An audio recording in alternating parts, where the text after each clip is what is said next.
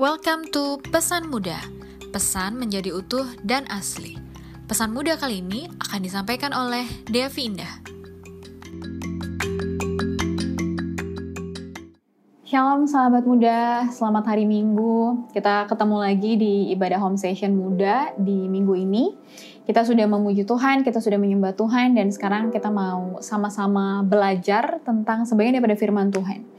Dan bulan ini kita uh, sedang mengangkat satu tema, yaitu mercy. Uh, atau gimana kita caranya menjadi a merciful person, seseorang yang penuh dengan mercy. Sesungguhnya semua itu kembali kepada diri kita, karena setiap kehidupan kita, hidup kita tuh selalu memilih kita memilih apakah kita mau hidup dengan penuh mercy atau enggak. Kita juga memilih uh, semuanya pilihan kita mau pilih Tuhan atau pilih dunia ini. Kita mau pilih uh, kita mau mengampuni atau kita mau membenci orang.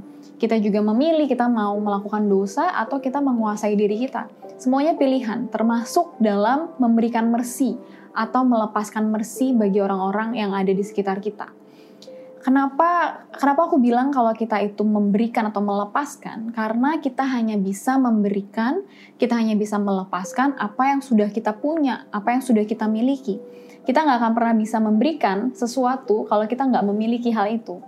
Oleh sebab itu, mercy itu harus kita sadarin bahwa kita memang memiliki itu. Mungkin selama ini kita jadi sulit untuk memberikan mercy karena mungkin kita nggak sadar, kita nggak menyadari bahwa kita itu memiliki mercy. Kenapa kita memiliki mercy? Karena Tuhan udah kasih mercy dalam kehidupan kita.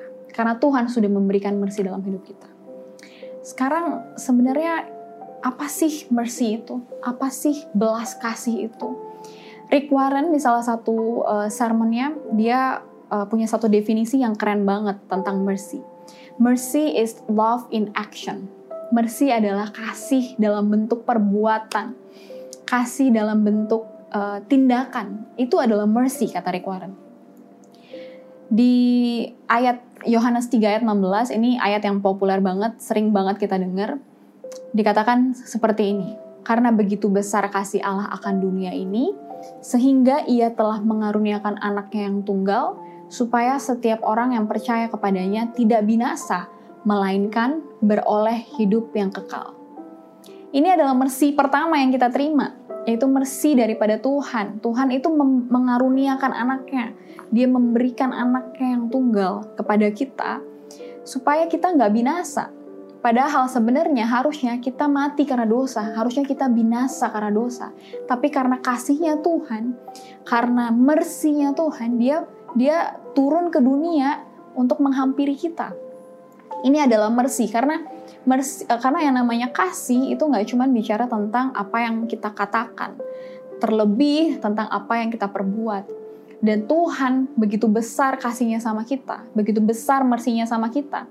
Tuhan itu nggak cuma duduk-duduk di uh, tahtanya gitu dan dia mungkin mengirimkan malaikat, mungkin dia juga bisa mengirimkan uh, hal yang lain gitu untuk kita yang berdosa ini. Tapi Tuhan melihat kita seberharga itu, Tuhan melihat kita se seindah itu, walaupun kita lagi berdosa, walaupun dunia ini lagi kotor, walaupun kita ini sebenarnya nggak layak, tapi Dia turun. Jadi ada satu action yang diambil sama Tuhan untuk Dia turun ke dunia untuk menebus dosa kita. Itu adalah mercy yang terbesar, mercy yang Tuhan udah kasih sama kita, dan Dia kasihnya cuma-cuma.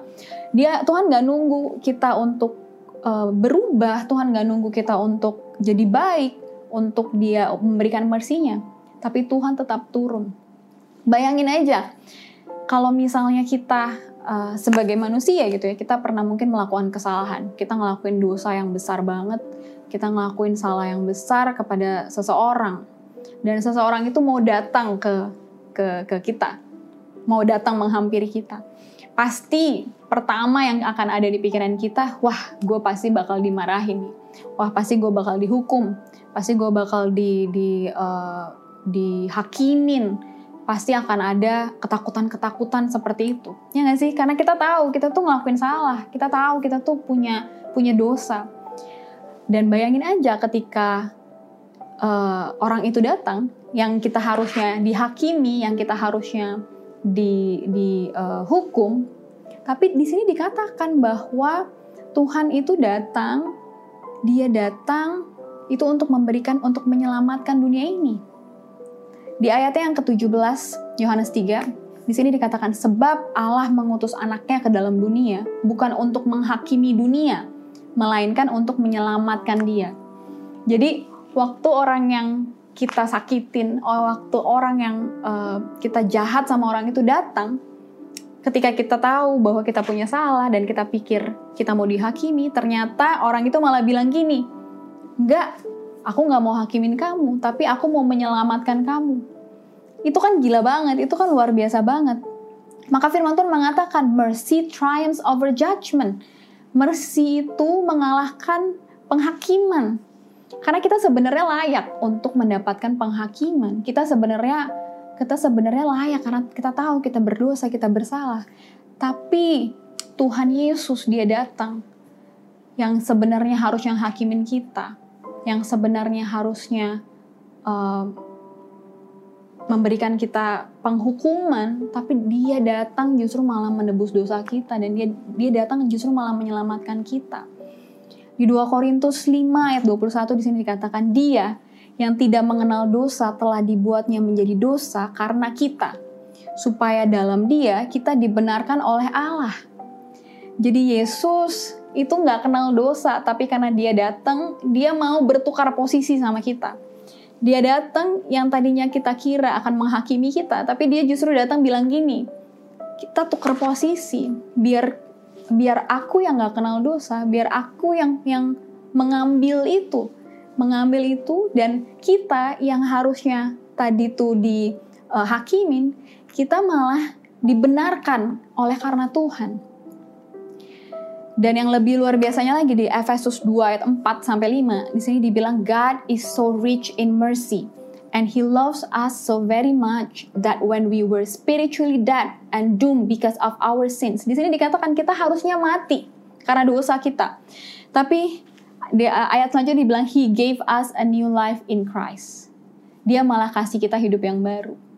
Balik lagi tadi ilustrasi ketika orang itu datang dan ternyata dia bilang aku mau menyelamatkan kamu, aku mau bertukar posisi sama kamu, bahkan dia bilang, "Nih, aku kasih kamu hidup yang baru."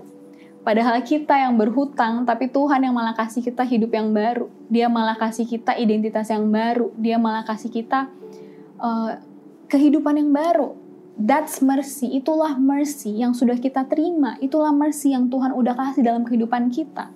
Jadi kita semua uh, memiliki yang namanya mercy, karena Tuhan yang sudah memberikan kita mercy itu se sebelumnya. Maka hari ini mungkin kita jadi bertanya-tanya ya, uh, kenapa kita harus berikan mercy? Jawabannya cuma satu, because God wants us to become like, like Him.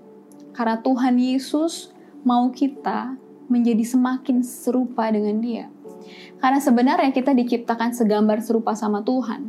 Tapi karena dosa, kita jadi kehilangan kemuliaan Allah. Karena dosa kita punya gap antara kita sama Tuhan.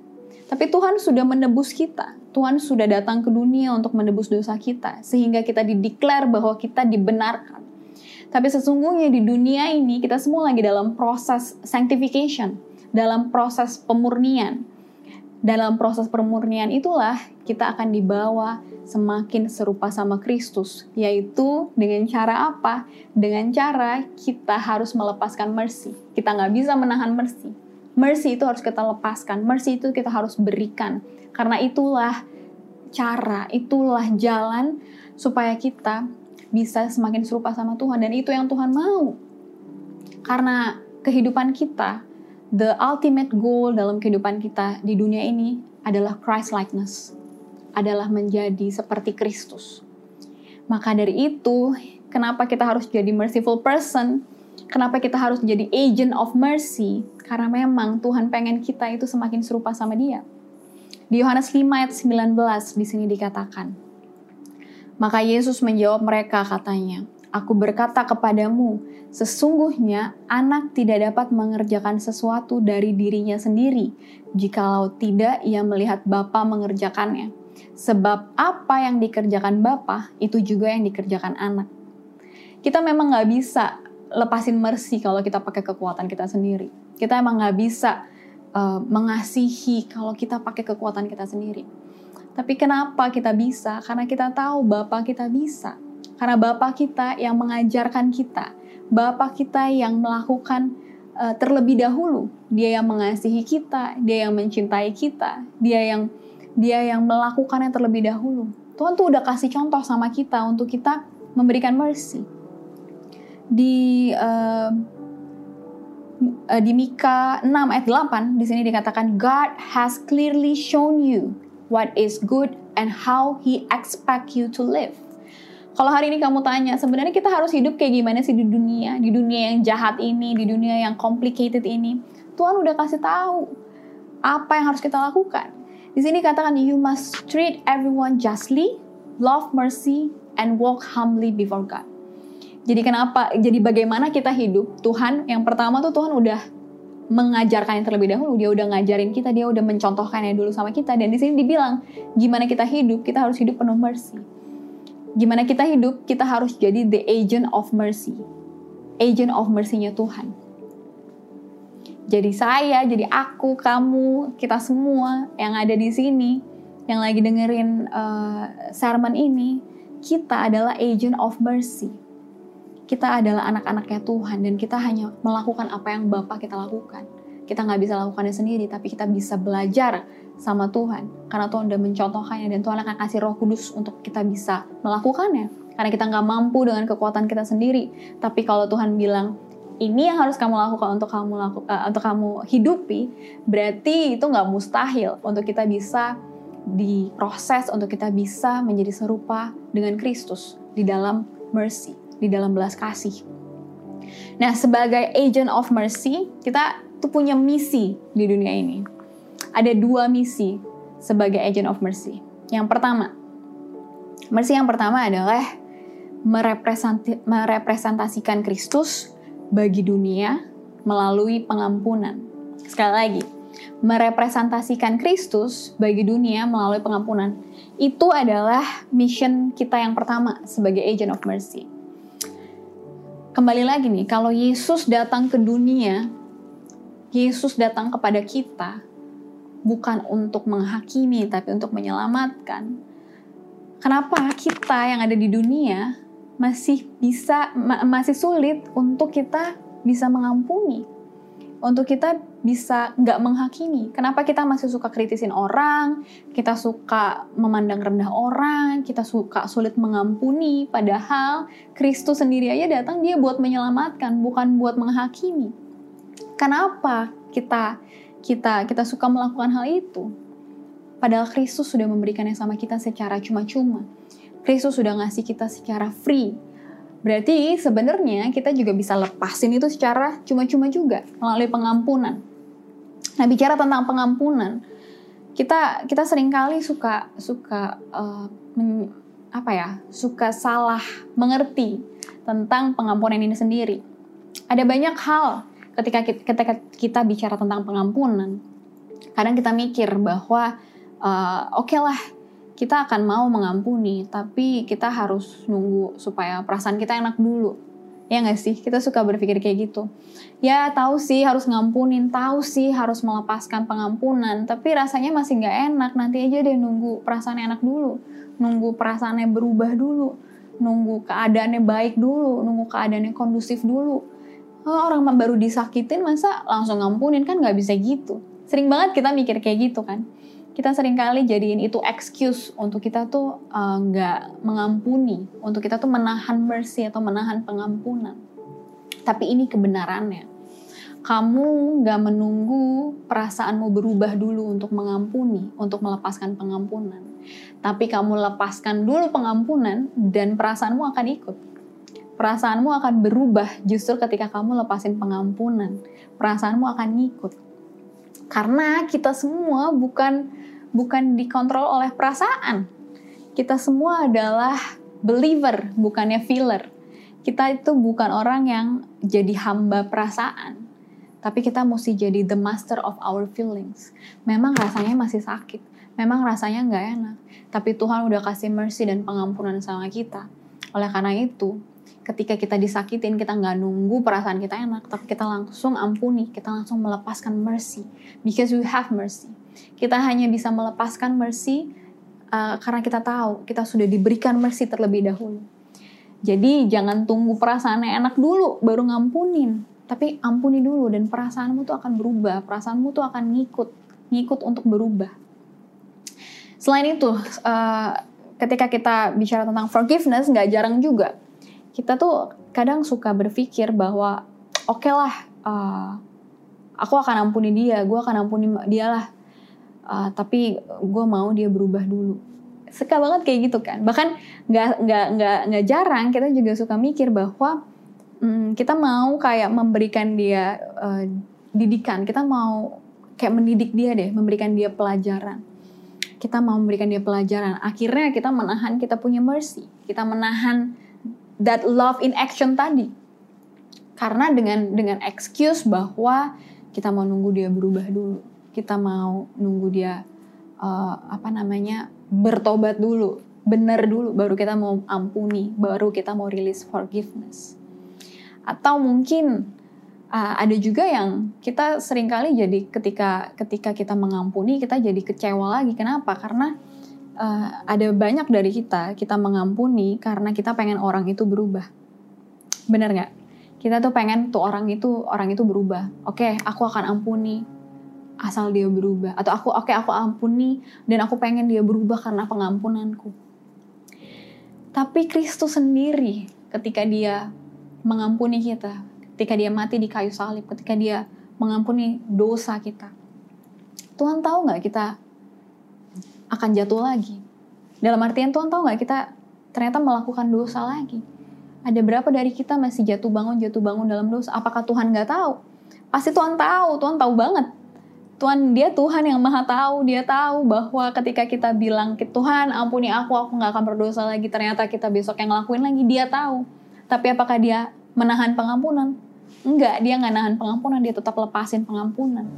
Dia tetap lepasin mercy-nya dia buat kita dia nggak bilang wah karena nih anak ternyata dia bakal bakal nyakitin aku lagi. Aku nggak mau kasih dia pengampunan. Tuhan nggak gitu.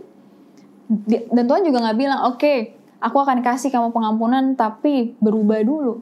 Tuhan nggak nunggu itu. Tuhan mati di kayu salib ketika kita masih berdosa.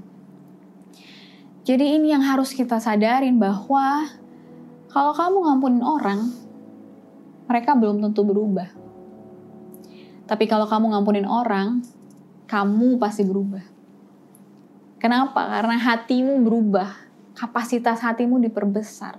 Mungkin orang yang kamu ampuni itu nggak berubah. Mungkin dia lakuin kesalahan lagi, lagi, dan lagi. Tapi kamu yang berubah. Kamu berubah jadi apa? Kamu berubah semakin serupa dengan Kristus.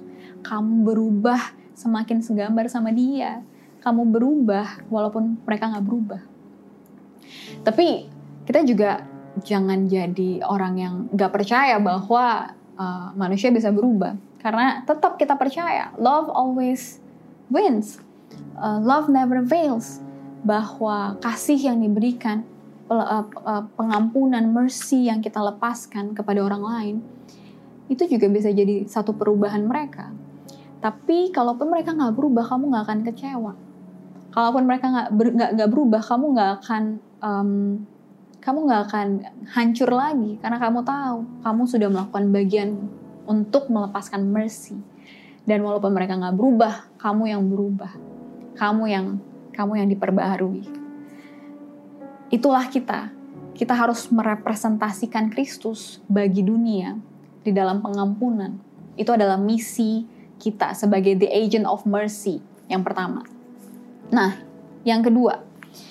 Yang kedua adalah sebagai agent of mercy, kita harus mengambil bagian dalam penderitaan Kristus. Mengambil bagian dalam penderitaan Kristus. Nah, kembali lagi, kita tuh sering kali juga sulit untuk melepaskan mercy, sulit untuk melepaskan forgiveness, karena kita merasakan sakit, kita ngerasa menderita, ada berapa banyak dari kita bilang ya kak tapi lo nggak ngerti sakitnya gue tuh kayak gimana ada berapa dari kita bilang Tapi lu tuh nggak punya papa kayak papa gue. Tapi kamu tuh nggak ngerti rasanya di, disakitin. Kamu nggak ngerti rasanya dibohongin. Kamu nggak ngerti rasanya diselingkuhin. Kamu nggak ngerti rasanya ditinggalin. Kita suka ngomong gitu kan. Nggak ada yang ngerti. Nggak ada yang ngerti. Tapi ya mungkin mungkin temenmu nggak ngerti. Mungkin papa mamamu nggak ngerti. Bener, mereka nggak ngerti. Tapi ada satu pribadi yang ngerti. Itu Yesus. Dia ngerti. Dia tahu rasanya. Yesus. Yesus sendiri yang terlebih dahulu itu udah disakitin, terlebih dahulu tuh udah dilukain, udah dihianatin, udah ditinggalin. Dialamin itu semua. Udah di udah di PHP-in, itu Tuhan Yesus alamin semua. Jadi kalau kamu bilang bahwa nggak ada di dunia ini yang ngerti, mungkin bener nggak ada di dunia ini yang ngalamin yang kamu alamin. Tapi Yesus udah ngalamin semuanya. Dia dilukain di atas kayu salib. Dia ditinggalkan oleh murid-muridnya bahkan dia dihianati. Bayangin aja, Yudas itu muridnya Yesus. Sebelum menjual Yesus, di, di malam sebelum Yudas menjual Yesus, Yudas tuh mencium Yesus. Bayangin dong. Padahal mau dijual, tapi sebelumnya tuh dicium dulu. Dan Tuhan tahu itu semua. Dan dia tahu Yudas mengkhianati bahkan menjual Yesus. Karena uang. Tuhan tahu. Atau dihianati di, dihianati lagi sama orang yang kamu kasihi Petrus Petrus adalah salah satu murid Yesus juga yang dikasihi Yesus banget dan dikatakan bahwa Petrus menyangkal Yesus tiga kali kalau kita pelajarin lagi dia nggak cuma menyangkal tapi bahkan mengutuki Yesus kalau hari-hari ini ada orang yang kamu kasihi mengutuki kamu hari-hari ini ada orang yang kamu kasihi tapi dia malah malah mengkhianati kamu, membohongi kamu. Yesus terlebih dahulu mengalami itu semua. Dia ngalamin apa yang kamu alami. Dia tahu uh, luka kamu, your pain, your suffering, penderitaan kamu tuh Yesus tahu. Kalau kamu di PHP-in, Yesus, Tuhan Yesus yang paling sering di PHP-in. Coba berapa kali kita udah janji sama Tuhan. Kita udah PHP-in Tuhan. Tuhan aku gak mau kayak gini lagi. Tuhan aku gak mau lakukan ini lagi. Tapi kamu masih lakuin lagi kita masih lakuin lagi. Dia adalah satu pribadi yang paling sering di, di PHP-in. Di salah satu uh, postingannya Pastor Christopher Tapiheru dibilang bahwa Yesus memang pribadi yang udah uh, paling sering di PHP-in sama kita semua. Dia tahu rasanya. Jadi kalau hari ini kamu ngerasa sakit, kamu ngerasa luka, Tuhan Yesus sendiri sudah mengalami itu semuanya. Dia udah alamin. Jadi dia yang paling ngerti. Tapi ini yang luar biasanya, mission kita sebagai agent of mercy itu tadi mengambil bagian dalam penderitaan Kristus. Karena apa? Karena kesakitan yang kita alami, penderitaan yang kita alami akan membuat kita menjadi semakin serupa sama mereka sama sama Yesus. Pain and suffering in Christ di dalam Kristus makes us become more like him pain, rasa sakit itu, suffering, penderitaan itu di dalam Kristus. Penderitaannya harus di dalam Kristus. Itu bisa membuat kita menjadi semakin serupa sama Tuhan. Kenapa? Karena penderitaan itu membuat kita tuh ngalamin dia lebih lagi. Membuat kita tuh me, me, apa menjadikan kita tuh mengalami dia, mengalami apa yang dia lakukan. Karena ketika kita melepaskan mercy, itu pasti rasanya sakit dulu. Kalau kamu nggak sakit, berarti mungkin itu cuman uh, itu bukan mercy. Karena mercy itu love in action dan mercy itu harus kita lepaskan justru ke orang-orang yang kita nggak suka, orang-orang yang kita nggak setuju sama mereka. Kalau kamu memberikan mercy sama orang yang kamu suka, yang kamu senengin, itu bukan mercy. Karena semua orang bisa lakuin itu. Orang bisa baik sama orang yang baik sama mereka. Orang bisa um, mengasihi sama orang yang mengasihi mereka. Tapi gimana sama orang-orang yang kamu nggak suka? Orang-orang yang kamu nggak nggak setuju sama apa yang mereka lakukan. Apalagi orang-orang yang nyakitin kamu. Karena mercy itu dilepaskan itu sama sama mereka yang um, apa ya sama mereka yang sepertinya tuh nggak layak untuk dapetin itu sama seperti Kristus lah ini benar-benar merepresentasikan Kristus di dunia ini karena kita nggak layak, karena kita penuh dosa, kita harusnya mati. Tapi mercy-nya Tuhan, Tuhan malah datang, Tuhan ampuni, dikasih lagi hidup yang baru. Itu pun yang harus kita lakukan. Sama orang-orang yang kayaknya nggak layak, tapi mereka layak. Tapi mereka sebenarnya layak. Dan Tuhan memberikan kita mercy untuk kita lepaskan. So jangan ditahan, kita harus lepasin mercy itu sama mereka. Kita harus lepasin. Jadi kalau hari ini kamu ngerasa disakitin, kamu ngerasa dilukain, ada kabar baiknya. Kenapa? Karena ini adalah kesempatan buat kamu untuk kamu melepaskan mercy yang sudah terlebih dahulu diberikan sama kamu. Melepaskan mercy kepada mereka. Jadi kalau kamu lagi disakitin, itu adalah faktanya kamu memang lagi disakitin. Kamu lagi terluka, kamu lagi dibohongin, kamu lagi dibuat kesel sama orang ini. Tapi kebenarannya ini adalah waktunya Tuhan untuk apa? Untuk membuat kamu semakin serupa sama dia, semakin segambar sama dia. Ini adalah kesempatan kamu untuk Tuhan mau bikin kamu naik level lagi. Untuk kamu bisa jadi semakin segambar serupa sama Kristus. Dengan cara apa? Dengan cara melepaskan mercy. Dengan cara itu. Dan kita memang harus ngalamin yang namanya sakit, pain and suffering. Tapi di 1 Petrus 4 ayat yang ke-13 sampai 14 di sini dikatakan. Tetapi seharusnya kita bergembira karena kalau kita ikut merasakan penderitaan seperti yang Kristus alami, ini kayaknya ini banget ya, kita katanya harus gembira karena kalau kita lagi ngerasain penderitaan seperti Kristus alami. Lanjut kita baca lagi. Itu berarti kita benar-benar sudah bersatu dengan dia. Wow, bersatu dengan dia. Kalau begitu, sudah jelas kalian akan sangat bergembira pada waktu ia datang kembali untuk menyatakan kemuliaannya. Ayat yang ke-14. Jadi kalau ada orang yang menghina kamu karena mengikuti Kristus, seharusnya kamu merasa bahwa sudah diberkati oleh Allah. Karena hinaan orang itu sudah jadi tanda bukti bahwa kemuliaan dari roh Allah ada bersama dengan kamu. Wow, luar biasa. Sebagai agent of mercy, kita tuh pasti ngalamin yang namanya pain and suffering. Tapi di 1 Petrus 4 ayat 13 sampai 14 ini dikatakan jelas bahwa kita justru harusnya bergembira karena itu. Karena kita ngalamin sakit, karena kita ngalamin penderitaan. Selama penderitaan yang kita alamin itu memang karena Kristus, bukan karena kesalahan kita ya, bukan karena dosa yang kita lakukan. Penderitaan karena Kristus itu apa sih? Penderitaan uh, karena kamu tetap percaya sama Kristus. Penderitaan mungkin karena kamu karena kamu uh, karena kamu memegang apa yang harus dilakukan dengan yang yang yang Yesus katakan harus kita lakukan, tapi kamu karena itu justru malah disakitin. Itu adalah penderitaan karena Kristus. Penderitaan karena Kristus adalah ketika kamu tetap beriman, ketika kamu setia, ketika kamu ketika kamu uh, tetap tetap mengasihi, tapi kamu malah disakitin, tapi kamu tapi kamu mal, ma, kamu malah ditinggalkan dan lain sebagainya. Itu adalah penderitaan karena Kristus. Dan kalau kamu mengalami itu saat ini, uh, ini kabar baiknya di sini dikatakan di ayat 14, seharusnya malah kamu itu bersyukur karena kamu sudah diberkati oleh Allah.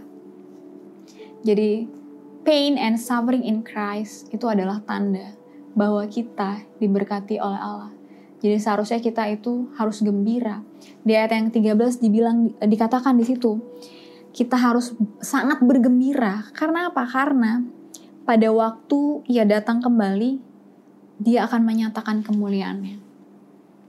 Jadi our pain and suffering di dalam Kristus itu adalah satu berkat yang Tuhan kasih sama kita.